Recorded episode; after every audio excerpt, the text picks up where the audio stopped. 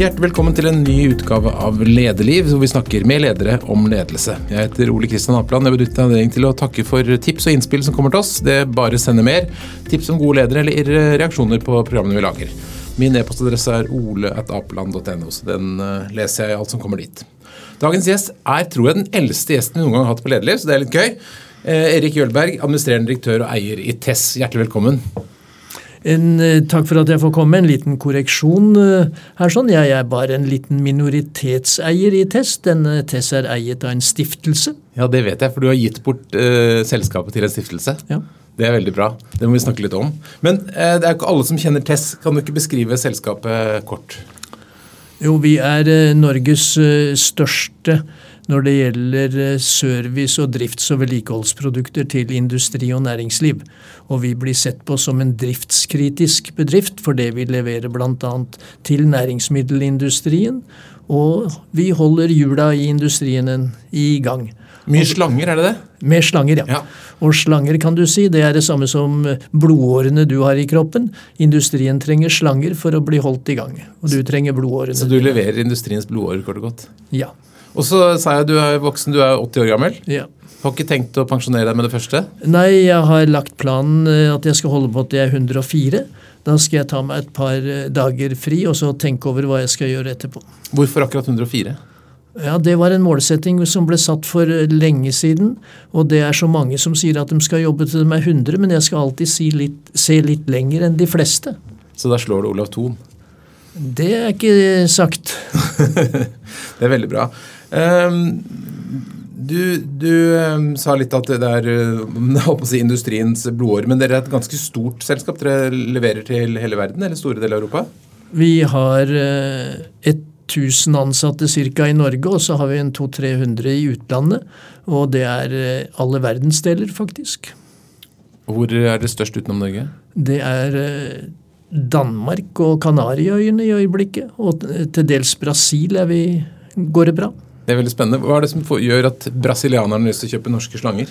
Det er pga. den kvaliteten vi tar med oss fra Nordsjøen og norsk næringsliv. Og det er jo mange europeiske bedrifter som har oppdrag for brasilianske. Og da liker de å ha kvalitet og folk de kan stole på. Med den relativt høye alderen du har, da, så er det jo gøy å høre litt Du, du representerer jo da et spenn i, i norsk samfunns- og, og næringsliv. Hva var din aller første jobb, Erik? ja, sånn 12-13-14 år. Da startet jeg litt med å selge frimerker.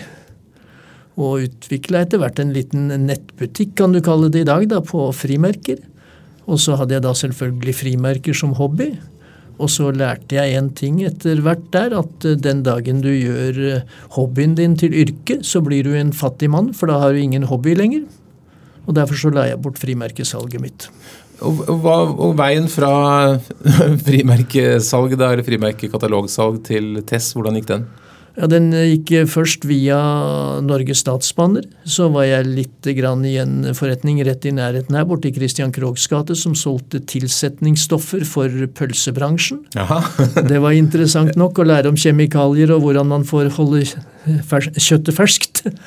Og så deretter så ble det slanger hos et firma som holdt til i Revierstredet her i Oslo. Seks år der, og så var det to av oss som startet for oss selv. I 1968. Ja.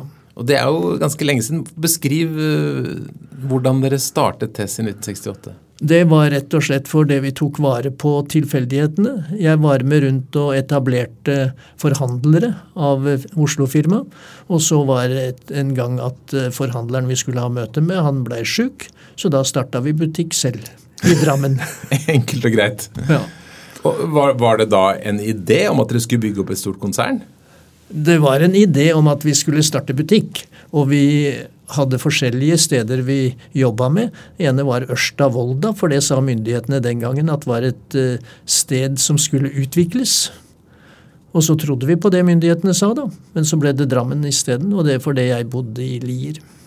Og da hadde du en god kompanjong? Da var det en kompanjong som spurte en dag om vi skulle starte butikk sammen, og det sa jeg ja til. Og dere holdt sammen lenge? Vi satt mer enn 40 år på samme kontor og utvikla TESS. Det er mer enn uh, de fleste ekteskap. Hvordan uh, funger, Hva var det som gjorde at det samarbeidet fungerte så godt? Nei, vi lærte oss noen uh, spilleregler på dette her. Og en av de tingene du skal eh, vite hvis du skal ha noe til å vare, det er å lære deg kunsten og innrømme om at du har feil, når du er overbevist om at du har rett. Den kan du ta med deg hjem og trene på. Så det var oppskriften deres for å klare det bra sammen? Ja, og så var det å jobbe mye. og Når du var ute og reiste, og sånn, så skulle du alltid ha god samvittighet overfor partneren at du hadde gjort en ålreit jobb. Men eh, dette med å bygge opp en så stor virksomhet som, virksomhet som faktisk har blitt, så dere det for dere at det kunne bli så stort? Nei, vi så nok ikke stort mer enn til en 100 millioner kroner, som jeg har på et gammelt budsjett eh, der. Men eh, det har jo nå utvikla seg til ja, borti 4 milliarder. da. Og så vet jeg at dere hadde ganske tidlig la noen sånne føring på hva slags kultur dere ønsket i bedriften? Ja, den kom eh, naturlig etter eh, hvert. Og så fikk jeg anledning til å reise en del i USA, og der var det jo der var det jo krav i bedriften at du skulle ha en nedskrevet kultur. Og så jobbet vi med en del punkter der, og det har vært veldig nødvendig og veldig fint å ha. Hva er det viktigste fundamentet i testkulturen? Nei, Ta vare på menneskene, så kommer vekst og utvikling av seg selv. Enkelt og greit. Ja. Og øh, jeg har forstått at du har fortsatt, du fortsatt å hente inspirasjon fra Amerika ganske lenge. ja. Er du der, Reiser du fortsatt dit? Ja, nå har jeg ikke vært der pga. pandemien, nå, men nå har det jo isteden vært mye, mye web, eh, webcaster og sånt, så Så du følger med? følger med. Er. Amerika fortsatt et land å lære av? Ja. Ja. Utrolig mye. Altså det, det mange tror, og kanskje du også tror, det er jo at Amerika ligger etter Norge. Og det gjør jo for så vidt gjennomsnittlig i USA, men de beste i USA Tenk på det et land med over 300 millioner innbyggere. Der finnes det en topp og en elite. Og hvis du da får tilgang, som jeg har, til å lære blant de beste der borte, så vet jeg hva som skjer i Norge. Men jeg kommer til å skje i Norge, men jeg vet ikke akkurat når. Men dette med å ta vare på menneskene, er det det som er den viktigste liksom, suks eh, suksessoppskriften for Tess? Ja, jeg vet ikke om noe særlig mer. Og så er det nummer to, som er dette her å følge kundene. Og så hva er det kundene ønsker? Og så jobber vi med det. Og da har vi bl.a. snudd forsyningskjeden. Det er mange som snakker om supply chain management, men vi snakker om demand chain management. Hva legger du i det? Nei, at det er kravene fra kundene som skal tilfredsstilles, ikke kravene fra produsenter eller leverandører. Men det er ikke så lett når du har kunder langt unna i Brasil eksempel, å vite, sitte i Drammen og vite hva de vil ha. Nei, vi har jo noen lokale ledere som det er noe tak i, da, vet du. Det er nødvendig. Og så vet jeg eh, på kultursiden at dere bl.a. har en firmafarge. Ja. Hvordan, hvor, hvorfor det, og hva er den? Nei, det er også etter impulser fra USA for veldig mange år siden, hvor vi hadde en som holdt foredrag om de forskjellige fargene og hvordan vi skulle bruke det. Og da ble jo grønt sett på som en positiv farve.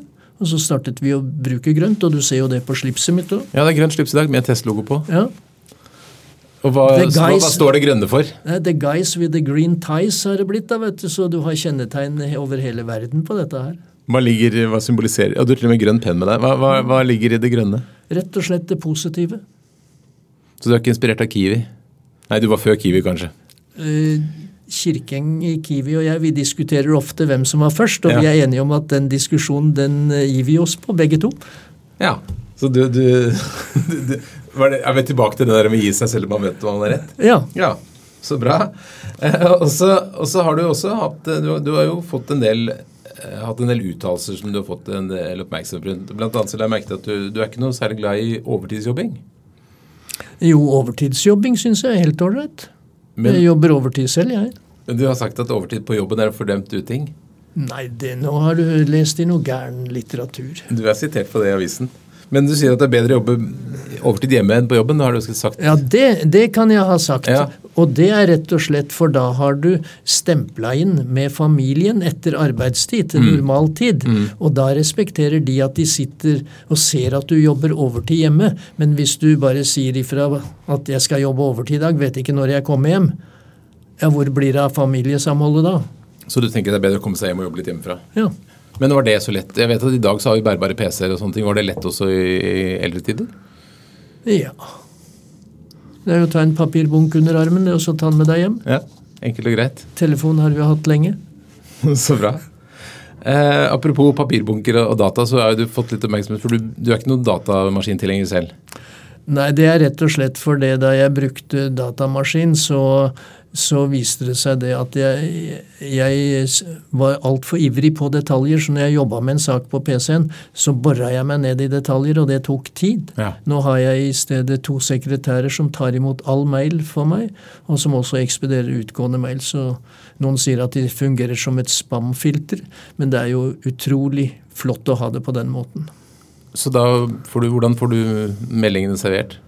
Nei, da får jeg papirkopier av de viktige, og så sitter jeg og så ser i den bunken og skriver mine notater på papirene tilbake, og så tar de den utgående mailen der, eller jeg sitter og dikterer det ut fra papirene jeg har der. Er det en løsning du anbefaler? Ja, det, se på resultatene til Tess. Vil du, si, vil du ønske at alle dine ansatte gjør det på den måten? Nei, det, det, er jo mange stillinger som den der ikke egner seg for. Når du har rent rutinearbeid og rent saksbehandlingsarbeid, mm. så kan du ikke ta og gjøre det på den måten. Så, og ordreskriving og alt dette er sånn, det er klart at da må du jobbe direkte i PC. Mm. Hva vil du si er de største forandringene som du har gjort underveis fra, fra 68 til i dag? Da må jeg tenke, gitt. Det er vel at alt skjer hurtigere.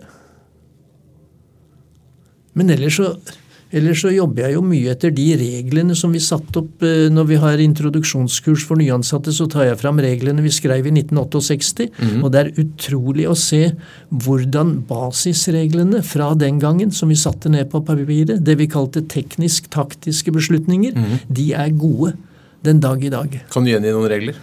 Ja, det er bl.a. at kvaliteten skal være rimelig. Nei, eh, prisen skal være rimelig tatt i betraktning den kvalitet som er levert, mm. og den service som er ytet. Og så jobbet vi mye med hvilke kunder skal vi preferere, og allerede den gang delte det inn i forskjellige segmenter i markedet, med offentlig, med entreprenører og sånt. Og så hadde vi en egen gruppe som het De mest betalingsdyktige, for vi mm. var avhengig av å få inn penger fort. Og dette er jo de samme tingene som går igjen i dag. Så det man, eh, det man lærte den gang, 50 år siden, og godt var det det, masse brukbart og fint, som vi bruker og videreforedler. Så sånn som du oppfatter det, så er grunnprinsippene veldig mye det samme som da du startet? Ja. Mm. Så vet jeg du er ganske god på å måle medarbeiderens prestasjon. Ja. Hva måler du på? Alt som kan måles, det kan forbedres. Kan du gi eksempler på hva dere måler? Måler bl.a. Eh, salget per ansatt, og bruker litt grann dette som heter ABC-regnskap, altså Activity Based Costing. Så du finner ut og kan regne ut lønnsomheter per eh, prosjekt eller per aktivitet du har. Det kjenner jeg ikke. Kan du si litt mer om det? Hvordan du gjør det? Nei, Det er f.eks. når du eh, sitter her som leder, og så først har du lønna di, og så du, legger du inn en fast kostnad som er eh, husleia di, mm. arbeidsplassen din, og så er det alt du har i bilgodtgjørelse, alt du har rundt omkring. Alle kostnader som vi kan direkte henføre til deg. Det er utgiftssida, og så er det hva du skaper av inntekter, da. Så det er rett og slett å være god til å sette en prislapp på hver medarbeider? Ja. Mm. Eh, hvordan følger du opp hvis du ikke folk, eller, eller hvis, det blir for dyrt? da? Nei, men det er, det er, mange som jobber i teamfunksjoner her. ikke sant? Så det er gjerne når du kommer litt oppover i stillingene på selgere og sånt, det er lett å bruke den taktikken mm. som jeg sa til deg. Men ellers så er det jo teamytelser og sånt som du måler på. Setter folk pris på å bli målt mye? Ja, faktisk så setter de pris på det. For da, da jobber de for å komme øverst på statistikken, og kanskje så vanker en liten påskjønnelse til de som er best. Deler du listen? Vet folk hvordan de ligger på listen? Det, det, er mange som liker at listene blir delt, men vi er litt forsiktige med det. Mm. Så da gir vi gjennomsnittene per time og sånne ting. Så man kan se man, om man ligger over under snittet ja. osv. Ja. Smart. Eh, også lest at du har en eh, At du har planlagt eh, si, reserver for, for lederne dine i ledergruppen, stemmer det? Det er riktig. Hvordan fungerer det? Det fungerer på den måten at bak alle viktige stillinger så står en parentes, og inni den parentesen så er et navn. Og Det er den som overtar automatisk hvis du skulle være sjuk eller på ferie eller f.eks. du ikke kom til møtet vårt i dag, du var mm. litt forsinka, men da skulle det stått en parentes der som var klar til å steppe inn med en eneste gang. Så en varamann, rett og slett? Kall det varamann. Mm. Er dette noe du har plukket opp i USA, det òg? Nei, det, det kom nok fra den fine utviklinga jeg hadde sammen med kompanjongen. Mm. Etter mer enn 40 år hvor vi overlappa hverandre, la oss si 80-90 hel overlapp. Og så har du fått, øh, eller fikk i fjor, var det vel, eller det var jo en veldig mye medieoppmerksomhet rundt at du ikke ville ha fagorganiserte medarbeidere. Hva, fortell litt om det. Ja, Det henger rett og slett sammen med at eh, det jeg sa at vi er en driftskritisk leverandør. Og da garanterer vi leveranser til kundene våre døgnet rundt. 365 dager i året, hver eneste uke. Og da kan vi ikke risikere å bli utsatt for streik. Og typisk nok eh, et sted hvor noen valgte også å melde seg inn i fagforeningen hos oss. Tre, dag, nei, tre måneder etter at den var meldt inn, så fikk vi streikevarsel. For da var vi en av de som var tatt ut til streiken som skulle komme. Men er det lov å si at folk ikke skal melde seg inn i fagforeningen? Nei, det er ikke lov, men det er lov å si at man ønsker, setter kundene foran fagforeningen. Men du møtte litt motbør på dette, da? Jeg møtte litt motbør. Hva syns du om det? Nei, det, folk må jo få lov til å si hva de vil. Og hva ble utfallet på det? Nei, Utfallet på det ble akkurat det som det er her i Norge, at det er en fri rett til å organisere seg. Betyr det at de som ikke gjør det, får noen fordel i forhold til de som gjør det? Nei, det er ligna ut. Mm. Det var en av de ønskene som ble satt fram, og det gjorde vi. Hva mener du med det? Ja, altså Vi hadde en del særfordeler i test da, Mm. som fagforeningen ikke hadde. Mm. Så da var vel fagforeningene litt misunnelige på oss. da vet du, At det var bedre å jobbe en test enn være medlem i en fagforening. Mm. Og så greide man å få til det at det ble utligna en del bonusordninger som ble gjort om til fastlønn isteden. Så hvordan er det nå? Er det mange som er organisert? Da det er eh, mange er det? 10-12 av de ansatte, tipper jeg. Mm. I det store og hele tenker du at fagorganisering er bra i norsk næringsliv? Nå har vi gjort en del målinger på steder hvor det er fagorganisering og ikke fagorganisering. Og vi ser det at det er ikke noe forskjell i ytelse av betydning. Vi greier ikke å finne noen helt klare ting. Det eneste jeg ser da, det er jo at de ansatte som er fagorganisert, de betaler frivillig en del av lønna si dit, da. Mm.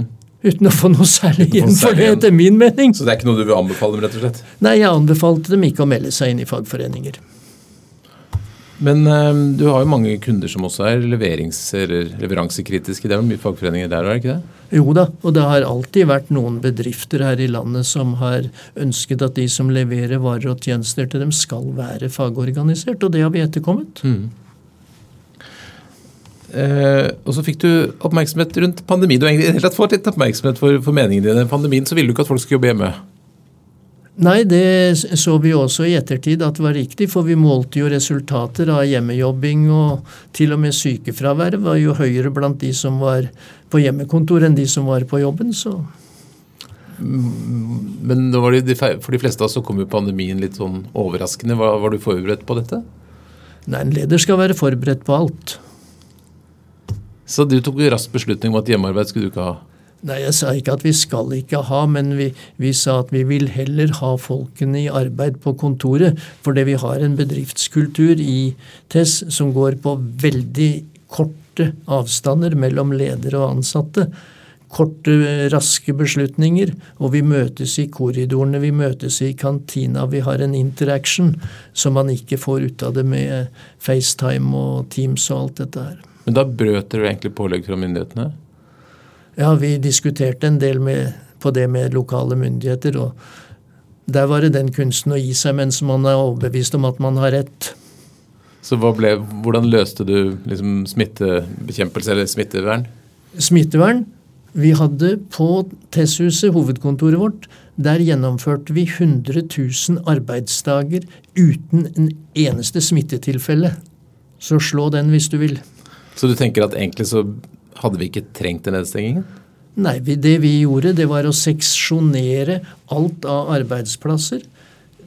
Teamene delte vi i to, sånn at ett jobbet formiddagsskift, ett jobbet kveldsskift. I tilfelle det skulle bli smitte i et team, så ville det andre teamet være klar 100% Nattskift innførte vi også. Medarbeiderne var med på dette her. Og resultat 100 000 arbeidsdager uten et eneste smittetilfelle som spredte seg på arbeidsplassen. Og hva sa fagforeningen? Nei, da har de holdt kjeft. Ja. Hvordan vil du selv beskrive lederstilen din? Nei, den er eh, Ja, du får se på resultatene i test, da. Mm. Så, du, så, en lederstil leses best ut bare ved å se på tallene, rett og slett? Du, du, det, er, det er jo vanskelig å si det sånn, men ta utgangspunkt i de resultatene vi har skapt i et kompaniskap. Og et kompaniskap, eh, Du har sikkert sett i lærebøkene på det, og det er ikke noe arbeidsform som er vanlig i Norge. Og når vi greier å skape så fine resultater via et kompaniskap som det vi har gjort, og samtidig viderefører den kulturen bl.a. med parenteser bak ledere, så det alltid er noen til stede som kan betjene kunder og spesielle situasjoner på jobben, ja, da har vi funnet en ledelsesform som er temmelig ålreit. Og så bruker jeg litt det gamle MBWA, Management by Walking Around. Holde en kontakt med alle medarbeiderne. Er det noen som spesielt har inspirert deg som leder? Ja, det er jo jeg har ikke noe sånn helt, helt spesiell, men jeg har, jo, jeg har, jo, vært heldig gjennom samfunnet fra jeg var liten og sånt og oppover. Og i USA så har jeg jo truffet utrolig mange dyktige mennesker som har lært meg mye. Mm. Noen du vil trekke frem? Ja, det er jo noen konsulenter som heter Michael Marks bl.a., og lederen i et større firma der borte som uh, lærte meg litt om kvinner på jobben og litt av hvert sånne ting. Hva, hva, hva, lærte du om kvinner? jo, det, det, lærte jeg så enkelt at det er ingen som er så gode til å ta seg av kunder og forretningsforbindelser som kunder. Nei, som kvinner. Mm. Fordi de har en naturlig omsorgsfunksjon i seg som vi gutta ikke har. Så i dag det flere, har du, har du et flertall av kvinner på kundeservice? Det skal jeg ikke si, men vi har i hvert fall en rimelig stor andel både på kundeservice og i ledersjiktet vårt mm. rundt omkring. Så bra. Ehm, men har du et, også en slags policy på hvordan du vil at ledere i Test skal oppføre seg? For du er jo ikke den eneste lederen. Nei, jeg har ikke policy på det, men eh, Nei, Ansettelsesprosessen, der har vi en dyktig HR-leder, og vi har litt supportere rundt henne. så her går vi etter mennesketyper og tilpasning til uh, rollen de skal mm. fylle. Hva slags menneske skal du ha? Ja, Det spørs hvilken type stilling. det. Mm. I øyeblikket, hvis noen hører på, så skulle vi gjerne hatt fatt i noen veldig gode på ERP-siden. Jeg skal installere nytt dataanlegg som eh, ja, nå er 17 år, det vi hadde. Og så skal vi ha et nytt et nå. Det er spennende. Det er en utrolig mulighet for folk som vil lære noe å få være med i lederteamet på å få det. F.eks. på kontrollerfunksjonene på fremdrift og sånt i den prosessen. Hva, da, håper, du, hva håper du å oppnå med det? Jeg håper å oppnå at ikke det gamle 17 år, 17 år gamle anlegget blir avslutta av leverandøren. Mm. Er det noen spesielle hendelser eller opplevelser som, som har formet lederskapet ditt i alle disse årene du har holdt på?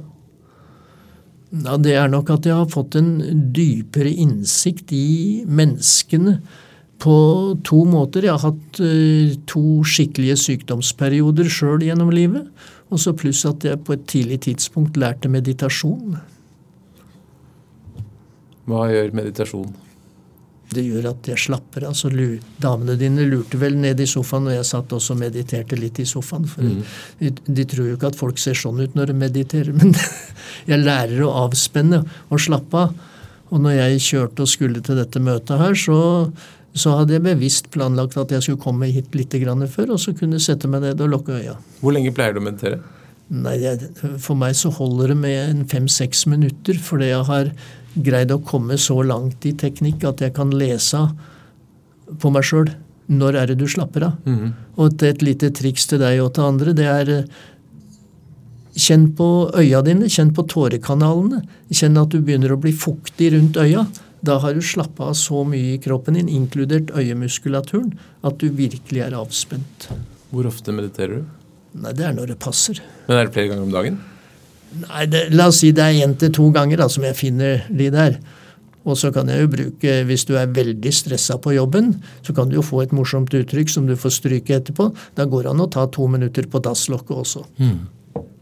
Og um, jeg har hørt at du har meditasjon, meditasjonsrom også. Ja. Er det mange som mediterer? Nei. Nei, ikke, ikke nok, si. Nei, det, det, har ikke noe med mange eller nok. Det skal være for de som, eh, de som har behov for det. Og vi bruker også meditasjonsrommet til samtaler én til én. Mm. Der er det helt forbud mot notater og papir eller noe. Da er det bare deg og meg som sitter der og snakker sammen helt fortrolig. Men Du sa også sykdomsperioder som hadde, hadde påvirket deg. Hva, hva, lærte du av de periodene? Takknemlighet for å bli bra igjen etterpå. Ja. Og så lærer du deg å respektere de menneskene som forteller at de har litt vondt her og der. Og så veit du at det må behandles med forsiktighet og med omtanke og omhu. Ble du bedre til å organisere virksomheten ved at du var borte? Nei, da var jo kompanjongen der. Så det, det gikk jo veldig ålreit.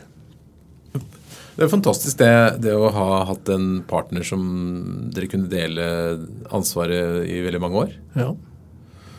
Uh, og så overtok du eierskapet etter hva jeg skjønt, og så ble det over på stiftelsen. Stemmer ja, det? Ja. Fortell om tankene bak det. Nei, stiftelsen var fordi at man skulle Han og jeg, kompanjongen, hadde jo snakket en del om at vi skal sørge for at dette her lever etter oss. Vi hadde sett gjennom årene altfor mange bedrifter hvor kommende generasjoner hadde brutt ned det som vi hadde skapt. Mm. Så vi var i hvert fall helt sikre på at vi skulle ikke sitte og se på at dette skjedde. Og så fant jo jeg da etter eh, hvert den løsningen på at det også etablere en stiftelse, mm. det var sikkerhet for kundene, det var sikkerhet for ansatte, og det var veldig tidsbesparende for oss i ledelsen.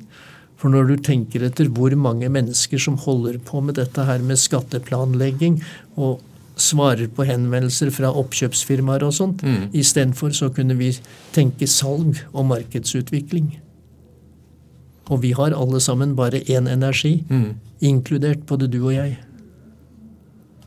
Så um, Men det var vel ikke bare forenklingshensyn det var det forenkling og det å ta vare på bedriften for, for evig tid, da? som var bakgrunnen for stiftelsen? Nei, og så var det å gi noe tilbake til det lokalsamfunnet som jeg hadde vokst opp i. Mm. Hva gir dere? Nei, vi gir, eh, vi gir i hvert fall eh, fem millioner i året til barn og ungdom. Pluss at vi rundt omkring i hele landet støtter på idrettsarrangementer og litt på lokale lag og foreninger og sånt. Betyr det noe for eh, de ansatte at de jobber i et selskap som er i en stiftelse? Ja, jeg tror de skjønner mer og mer etter hvert, for det er jo så uvanlig at det er jo ikke mange stiftelser som er i et handelsfirma eller produksjonsfirma tilsvarende også. Mm. Men de ser nok mer og mer tryggheten både for seg selv og familie og for kundene, som jeg sier. Men du har jo barn og kanskje barnebarn. De hadde sett for seg å arve dette, kanskje? Hva syns de om stiftelse? Nei, de respekterer avgjørelsen som han farfaren har tatt. Mm. Det gjør de. Har du barn som er i virksomheten? Ja, to. Er det en av dem som skal overta som sjef? Nei, det er ikke noe automatikk i sånne ting. Han står ikke i parentes på meg. Nei. Ingen av dem. Nei, ingen, ingen i parentes, nei. nei. Nei, Det er bra. Eh, eh, jeg spurte deg på forhånd hva du hadde lyst til å snakke om, og da sa du gjerne ville snakke litt om å, om, å, om å, kjøpe norsk. Er det noe du brenner for? Ja, det er det. For eh, vi har, av typen firmaer som vi er, så er det ikke så veldig mange norske igjen. Og konkurrentene våre de kommer gjerne fra Sverige eller Tyskland og til dels England. Og det er jo litt urettferdig da, at de som har punkt 1, lavere lønninger, lavere driftskostnader, lavere skatter og avgifter, konkurrerer med oss på lik linje på pris. Mm. Så det der har vi regna på temmelig nøye. så så noen kommuner er flinke, noen kommuner er ikke flinke. Det offentlige har et innkjøpsbudsjett på 500-600 milliarder kroner i året. Og vi som er helnorske, vi skulle egentlig ha 8,3% rabatt på prisene. Altså når du får et tilbud, så skal de trekke 8,3% Så testet vi det med en professor oppe på Hønefoss, og så sa han det er for lite, sa han. Dere skal ha 16,7% ekstra rabatt pga. de arbeidsplassene dere skaper, istedenfor at du får varene for, fra Amazon eller fra mm. Sverige eller Tyskland, som jeg mm. Sa, så skaper det ringvirkninger i samfunnet, for dere bruker da pengene lokalt. Og så, på toppen av det hele, så kom Torgeir Reve og så, så på dette regnestykket mitt. Og så sa han det er mye, mye mer, sånn. For tenk på alt dere kjøper av lokale varer og tjenester. Og da regna vi oss opp i 25-30% ekstra rabatt får i grunn myndighetene ved å handle av oss i stedet for å handle av et firma med utenlandske eiere. Det tror jeg ikke mange tenker på. Nei. Vi har slitt litt med å få politikerne til også tenne på den der, men, eh, og noen dekker seg bak EU-regler og disse tingene her, men det er enkelte kommuner som etter hvert begynner å ta hensyn til dette her, for de sier avstand til leverandøren. Hvor hurtig kan vi få varene? La det telle, istedenfor bare pris. Hva tenker du om disse norske bedriftseierne som flytter til Sveits for å spare skatt, da? Nei, da bruker de tida si eller energien sin på andre ting enn det jeg gjør. Jeg sa at vi har alle sammen bare én energi, og vi bruker det på salgs- og markedsutvikling. Mm. Og vi er stolte av at vi som helnorsk firma greier å konkurrere med store utenlandske kjeder. Og få myndighetene med oss, da, som jeg sier, med å legge inn en sånn liten preferansesak. Fordi vi er norsk og betaler skatter til Norge og skatter til lokalmiljø, mm. sammenligna med pakka som kommer direkte fra Tyskland og rett til arbeidsplassen. Frykter du eller konkurrenter sånn som Amazon og store som du nevner? Nei, vi frykter dem ikke, for vi har lært alle mottiltakene vi skal gjøre. Hvis så vi overlever Amazon og alt sammen, det er ikke noe tvil om. Hva er mottiltakene? Hemmelig liste, 17 punkter i øyeblikket, Okay. som hver enkelt av servicesentrene våre gjør, gjør eh, selvsjekk på. Og gir seg sjøl poeng, og får, kommer de da opp i 45 poeng, det er tre er maks og to og én, så slapp av. Ingen fare for at eh, Amazon tar fra deg kunder. Så du, er, eh, du planlegger for, for ting som kan skje, og er forberedt på det verste i mange områder? Ja, det er ikke det verste, men det er noe som kan skje. Eh, det, jeg syns det er ganske fascinerende at du bruker tid på å lage systemer for å forutsette. For jeg tror mange ikke er så bevisste på, på, på sånne risikoer. Ja, det er helt riktig, det. Du har jo ikke jeg, vil, jeg skal ikke si ingen, men det er ikke mange konsulentfirmaer som i hvert fall jobber med det med mottiltak for Amazon og dette her sånn. De bare sier vi skal bli bedre enn Men det er ikke nok. vet Du Du skal være forskjellig fra konkurrentene, men ikke bare forskjellig, du skal være dramatisk forskjellig fra en konkurrent for å overvinne. Bruker du mye tid på å følge med på konkurrenter? Nei. Leser årsregnskaper og får en del rapporter fra selgerne ute i markedet. Og ut fra de impulsene så setter jeg ned på papiret hvordan det går. Hvordan har, har alt dette med salg og markedsføring forandret seg mest i den perioden du har holdt på? Det har vel kommet inn en del ekstra rundt dette her med Eller ikke bare en del, det har kommet inn veldig mye med integrerte løsninger. Og det har kommet inn med EDI, altså dataløsninger, hvor vi bl.a. med Norges største bedrift har helt avanserte løsninger hvor alt går mer eller mindre Det må du forklare litt mer. Nei, altså Det er når du ønsker å plassere en, en bestilling, så, så er jo behovsmeldinga automatisk ut fra at du har data som styrer lageret. Og ordrebekreftelsen er automatisk, og pakksedler og alle rutiner er helautomatiske. Og det vi har holdt på jobbet veldig med nå, det er også å få fram ubemannede lagre. Altså lageret i en bedrift, det består jo av masse varer på lager som du bruker til for vanlig forbruk. Til og med dere her har et eh, forbruk av kopieringspapir og litt av hvert, og kanskje litt hansker og sko og alt mulig sånt noe. Og det har vi nå gjort eh, om til ubemanna lager. Varene er da merka med en liten brikke, RFID. Og så når du går inn, så stempler du deg inn med dette adgangskortet ditt. Og så når du går ut, så telles det automatisk hva du har tatt med deg. Så blir det belasta på deg. Du virker til å være en 80 år gammel mann til å være veldig opptatt og interessert i teknologi. Det er bare en naturlig del av salg og bedriftsutvikling. Og når jeg har vært så heldig å være med fra starten på dette her i USA, så syns jeg det er greit å følge med òg. Tenker du at uh, det betyr at Tess i fremtiden har færre ansatte fordi mer blir automatisert? Nei, vi har, eh, vi har flere ansatte, for vi kommer til å ekspandere kraftig. Vi skal øke med 30% hvert år fremover. Det er ganske hårete. Ja, det er, det er dobling på tre år, det. Hvorfor, hvordan, hva skal, hvorfor skal så mange flere begynne å handle hos dere? Jo, fordi de ser at det er fordelaktig å benytte seg av norske firmaer som de kan stole på, og som de vet at har et kvalitetssikringssystem som ligger til grunn. Mm. Og når vi da blir valgt av Norges største bedrifter til å være leverandør der, så forstår jo de mindre også at de vil eh, handle av oss, mm. at det er lønnsomt. Og så ser vi at de store kundene våre de sier det er for dyrt å opprettholde en liten kunde, og så sier de en liten leverandør.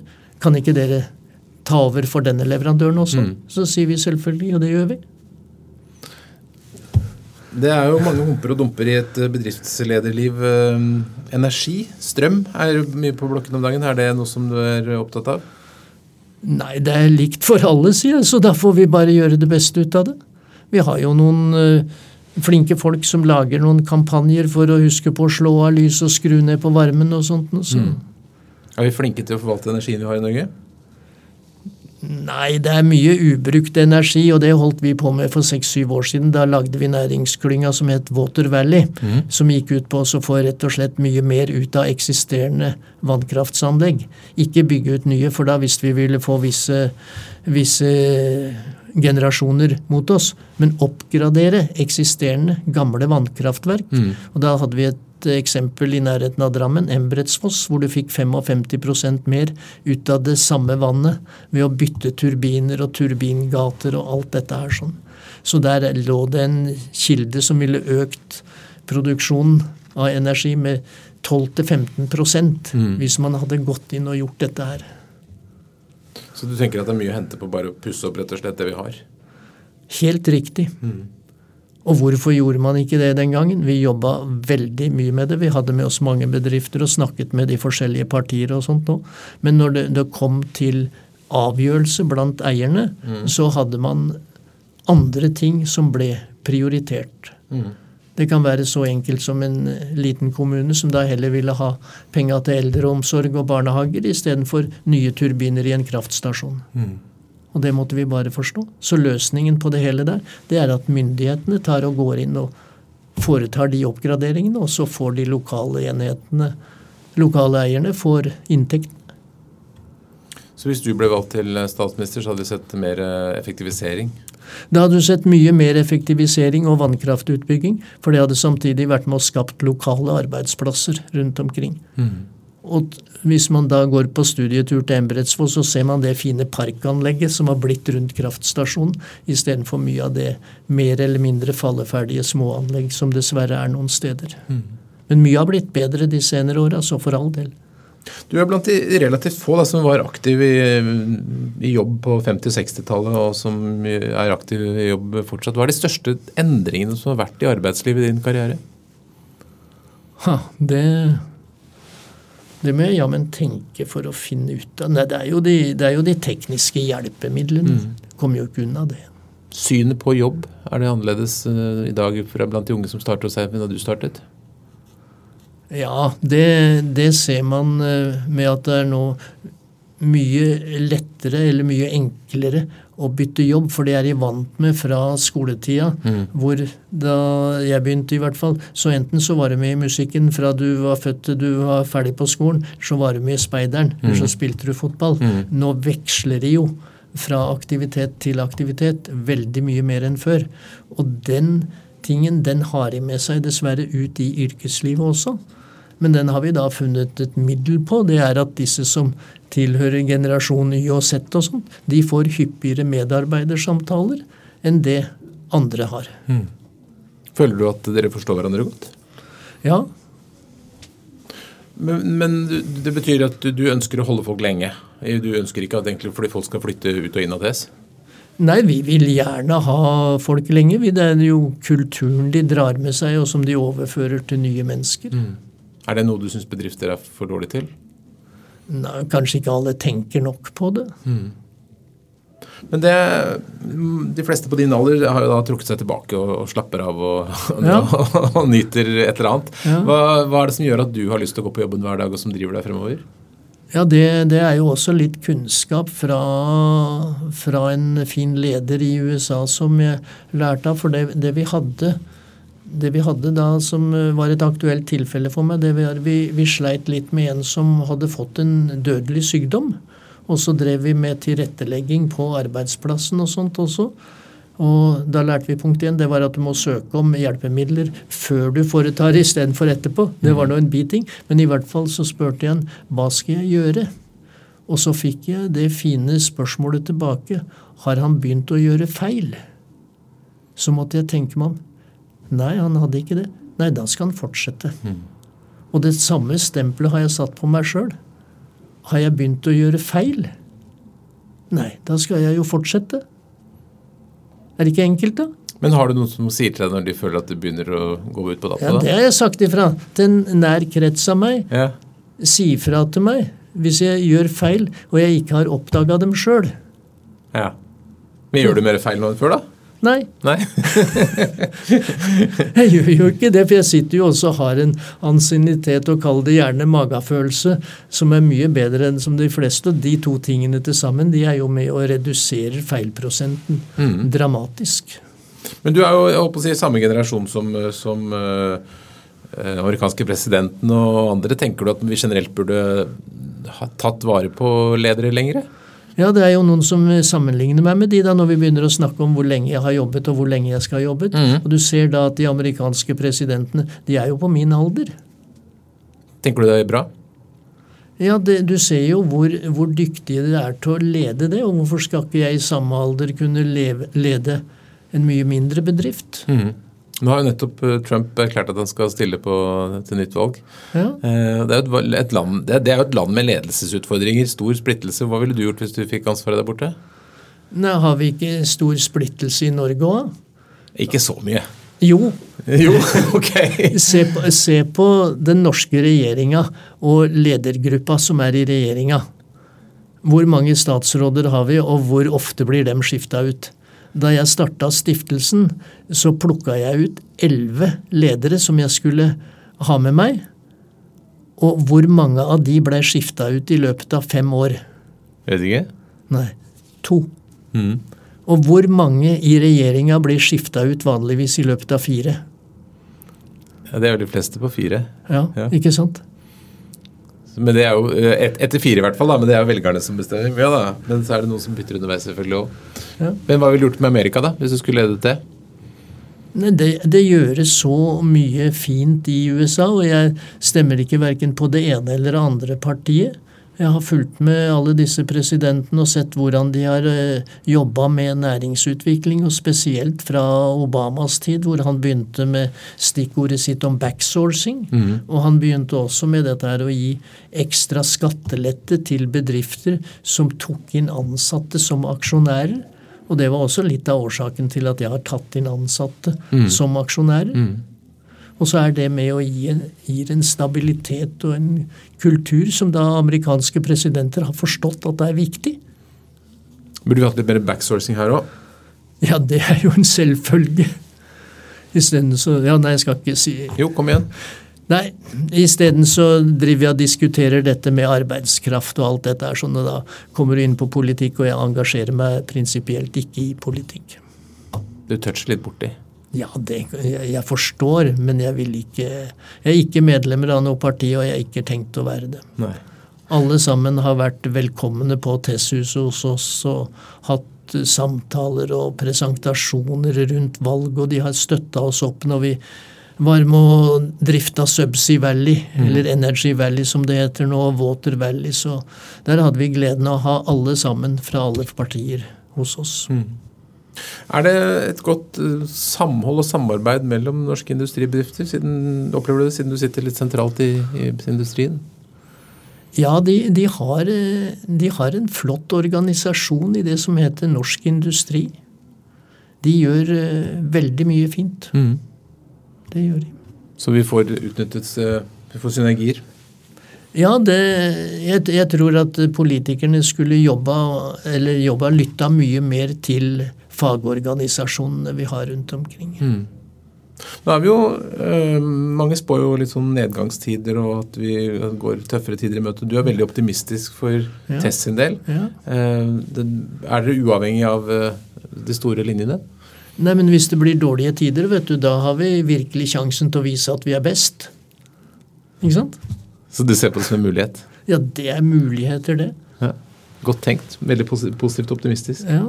Til slutt, eh, Erik Hjølberg, hvis du kommer en ung person til deg og sier eh, at han har lyst til å bli leder, hva er de tre viktigste lederrådene du vil gi? Hvordan er man en god leder? Ja, det Det er litt vanskelig å si sånn på sparket. Det Du får begynne å jobbe mer. ja, Mye arbeid. ja, og så prøv også jobb med ting som du kan synliggjøre resultatene fra. Kom, kom, her med en positiv eh, graf. ikke sant? Vis noen positive tall på en eller annen måte. Mm. Vis deg fram. Mm. Bli med i arbeidsgrupper eller i team eller i prosjekter, akkurat som jeg sa om denne ERP-medarbeideren vi gjerne skulle hatt inn nå. Som, ja, Vi får håpe at det kommer en nå etter dette. Ja. ja. Som da kommer til å lære så mye om TESS og organisasjonen der at han vil jo kunne være kvalifisert for å være helt i ledersjiktet på kort tid. Mm. Så jobb mye, vis positive resultater. Skal vi ett råd til, da? Ja, det er også ha fokus og styr energien din på rett måte. Og begynn med meditasjon?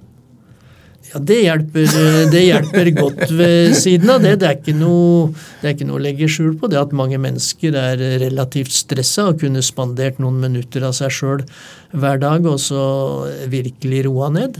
Og særlig når de kommer stressa hjem fra jobben, og så går de på enten skal de ut og trene fordi det er så godt å trene og sånn. Men hvis du da hadde lagt ned noen minutter i avspenning, det er ikke lett å tegne på radio, men hvis du da hadde tenker deg denne kurven jeg tegner her, mm. så ser du at stressnivået ditt det starter oppover, der. Ja, og så og så det Og så knekker du det ned ja. ved hjelp av noen minutters meditasjon. Og så starter den nye kurven der isteden. Og til og med når du skal hjem på trikken eller du kjører egen bil, stopp lite grann i bilen din etter at du har satt varmeapparatet på full guffe. Mm. Og så bare lukker du øya, og så roer du ned. Og så våkner du når det begynner å bli kjøligere. Og så er du et nytt menneske. Da har du brutt hele stresskurven din. Og så er du mye hyggeligere mot kone og barn og alt sammen når du kommer hjem. Hæ? Det var en bra avslutning. Erik Ølberg, tusen takk for at du kom til Lederliv. Lederliv er en podkast fra kommunikasjonsbyrået Apeland. Vi legger ut nye episoder hver eneste fredag. Redaksjonen består av Ingrid Hogneland, Lars Volden, Lars Jarli Melum og meg, som heter Ole Kristian Apeland.